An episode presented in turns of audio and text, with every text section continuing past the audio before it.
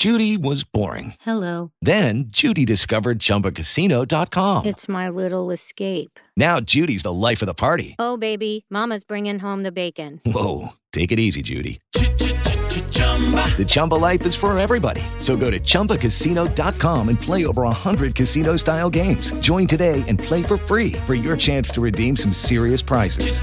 chumba ChumbaCasino.com. No purchase necessary. Void where prohibited by law. 18 plus terms and conditions apply. See website for details. Hey guys, it is Ryan. I'm not sure if you know this about me, but I'm a bit of a fun fanatic when I can. I like to work, but I like fun too. It's a thing. And now the truth is out there. I can tell you about my favorite place to have fun. Chumba Casino. They have hundreds of social casino style games to choose from with new games released each week. You can play for free anytime, anywhere and each day brings a new chance to collect daily bonuses. So join me in the fun. Sign up now at ChumbaCasino.com. No purchase necessary. VGW. Void were prohibited by law. See terms and conditions. 18 plus. بودكاست سكاي نيوز عربية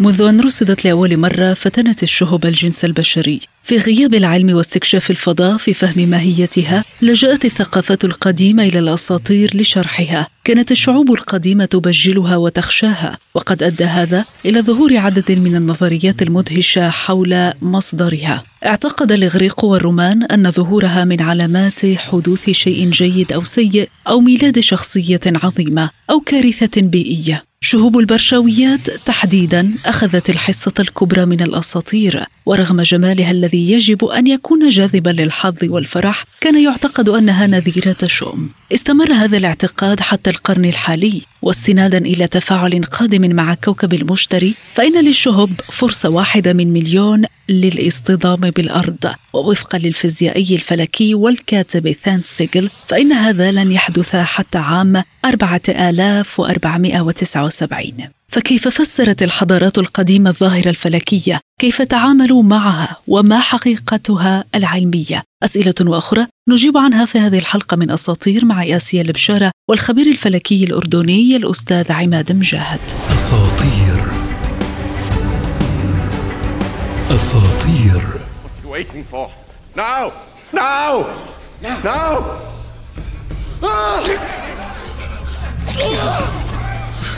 Ah! Ah! عام 44 قبل الميلاد تم تفسير الشهب التي تظهر في السماء على أنها علامة على ذكرى الكاتب الروماني والقائد السياسي يوليوس قيصر. بعد مقتله لطالما تم الاحتفال بهذا الحدث في الحضارة الرومانية. وبالحديث عن الرومان فأحد مؤرخهم كاسيوس ذكر أن الشهب من بين الأعاجيب التي حدثت بعد وفاة الملكة الفرعونية كليوباترا ولا نعلم ما السبب في ذلك. في الأساطير الألمانية اعتقد القدماء أن الشهب تشير إلى عام من الحظ السعيد. إلا إذا رأيت ثلاثة في ليلة واحدة. في هذه الحالة تكون نذيرة شؤم عليك. بعض الثقافات القديمة اعتقدت أن الشهب تدل على غضب الآلهة. كانت قبيلة كوايسو في أمريكا الشمالية تخشى الشهب. بالنسبة لهم دليل على قرب المرض والموت. أما في الثقافة الشعبية لسيبيريا كان ينظر إلى الشهب على أنها ديدان نارية ماصة للدماء بدون إضافة أي تفسير لهذا الاعتقاد. أساطير بالنسبة لشهب البرشاويات أو بريسيدز فهي عبارة عن زخات كثيفة من الشهب المذهلة لكن في الحضارة اليونانية كان يعتقد أنهم أبناء الشخصية الأسطورية بريساوس أو برشاوس. تقول الأسطورة حصل البطل اليوناني على كويكبة بعد ملاحمه البطولية وتحديدا قطع رأس ميدوسا أخطر النساء وأكثرهن شرا. من ضمن أعمال بيرساوس أيضا إنقاذ الأميرة أندروميدا التي تخلى عنها والدها تزوجها وأنجب معها سبعة أبناء وابنتين. ويعتقد مراقب السماء حينها أن كوكبة برشاوس هي أصل الشهب التي يمكن أن يروها كل صيف لذلك سميت بالبرشاويات. ويعتقد منذ ذلك الحين أن رؤيتها يعني تحقيق الأمنيات. أساطير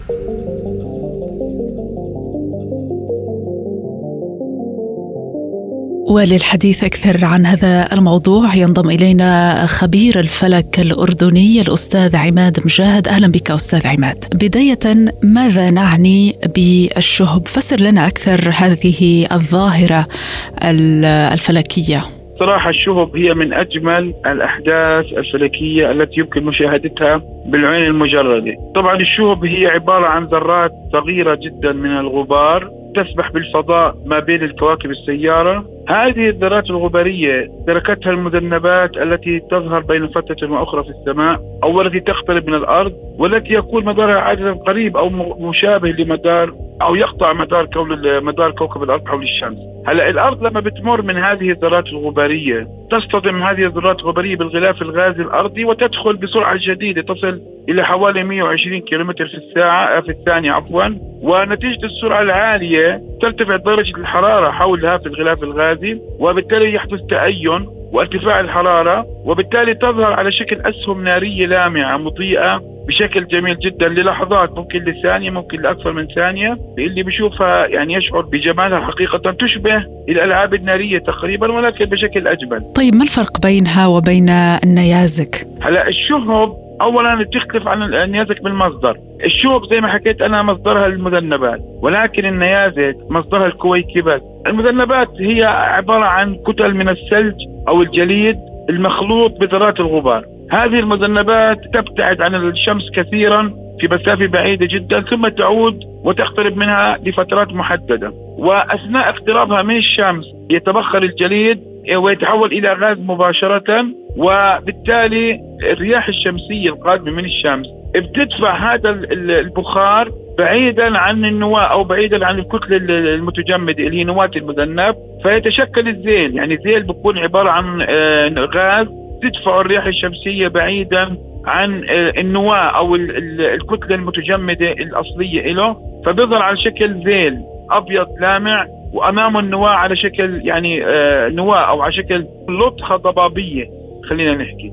فهذه المذنبات طبعا المذنبات مش بس غاز بيطلع منها بيطلع منها كمان ذرات غبارية هاي اللي بتسبح بالفضاء واللي بتشكل بتتشكل منها الشهب إذا اقتربت ودخلت الغلاف الغازي الأرضي. طيب نعود للفروقات بين النيازك وبين الشهب. ذكرت آه، آه، نقطة المصدر وما هي أيضا الاختلافات بين آه، الظاهرتين الفلكيتين؟ الشوب زي ما حكيت هي عبارة عن آه، ذرات الغبار اللي بتتركها المذنبات. يعني الشوب مصدرها المذنبات. بعض الشوب وقليل منها ممكن يكون مصدرها أحد الكويكبات ولكن هاي عبارة عن يعني شوب بسيطة. ولكن الأكثر منها هي مصدرها المذنبات. لكن النيازك اولا مصدرها جهتين. إما الكويكبات اللي بتدور حول الشمس بتكون عبارة عن صخور آه، غير منتظمة مش كروية زي الكواكب أو الأقمار وبتسبح بالفضاء. هاي بعض منها بيطلع منها صخور صغيرة أو كتل صخرية منها وبتسبح بالفضاء فإذا اقتربت من الأرض بتصطدم بغلاف الغازي مثل الشوب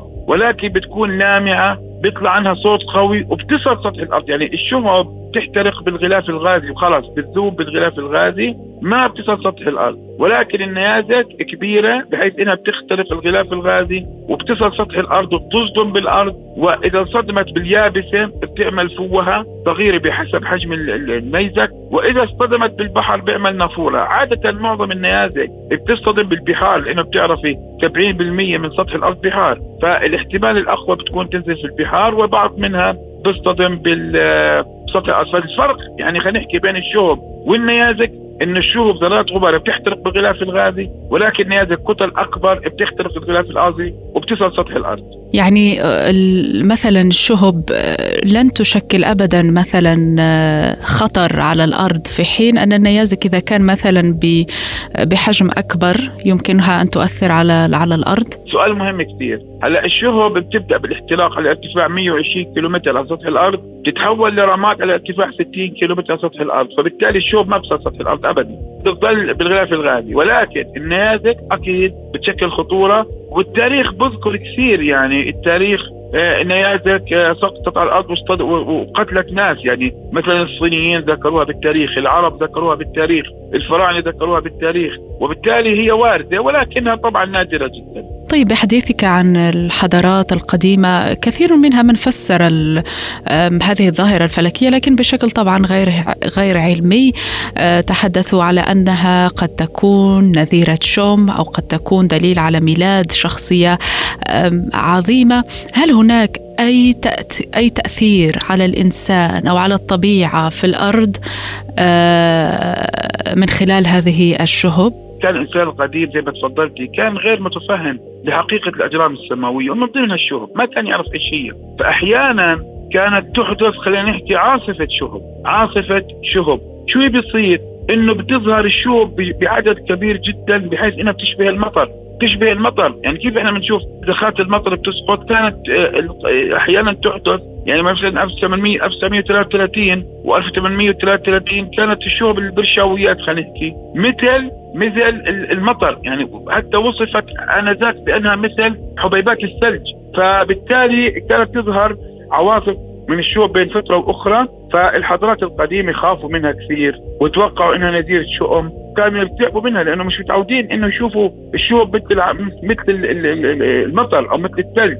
فكانوا يخافوا منها أكيد. ما كانوا يعرفوا إنه الشهب عبارة عن ذرات غبارية. فأكيد كان الإنسان القديم يتخوف منها. مثل ما كان يتخوف من خسوف القمر وكسوف الشمس أو ظهور مذنب بالسماء فكان الإنسان القديم يخاف منها. نفس الشيء كان يخاف من الشهب ومذكورة بالتاريخ. يعني عدد من العواصف الشهابية اللي ظهرت في التاريخ وكانت تذكرها بالتفصيل ومنها أظن بابن الاسير الكامل في التاريخ لابن الاسير نعم. كان ذكر إنه آه، شهدت شهب بعدد كبير في السماء وانها الناس خافت. فشيء طبيعي يعني الإنسان القديم ما كان عارف إن الشهب عبارة عن ذرات غبار بتطلها بالغلاف الغازي وما بتصل سطح الأرض فكان يخاف منها. جميل. شكرا جزيلا لك الأستاذ عماد مجاهد على كل هذه التوضيحات. شكرا جزيلا لك. أساطير.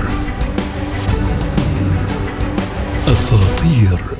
كنتم في الاستماع إلى بودكاست أساطير من سكاي نيوز عربية معي آسيا البشارة لا تترددوا في مشاركتنا آراءكم وتعليقاتكم. إلى اللقاء.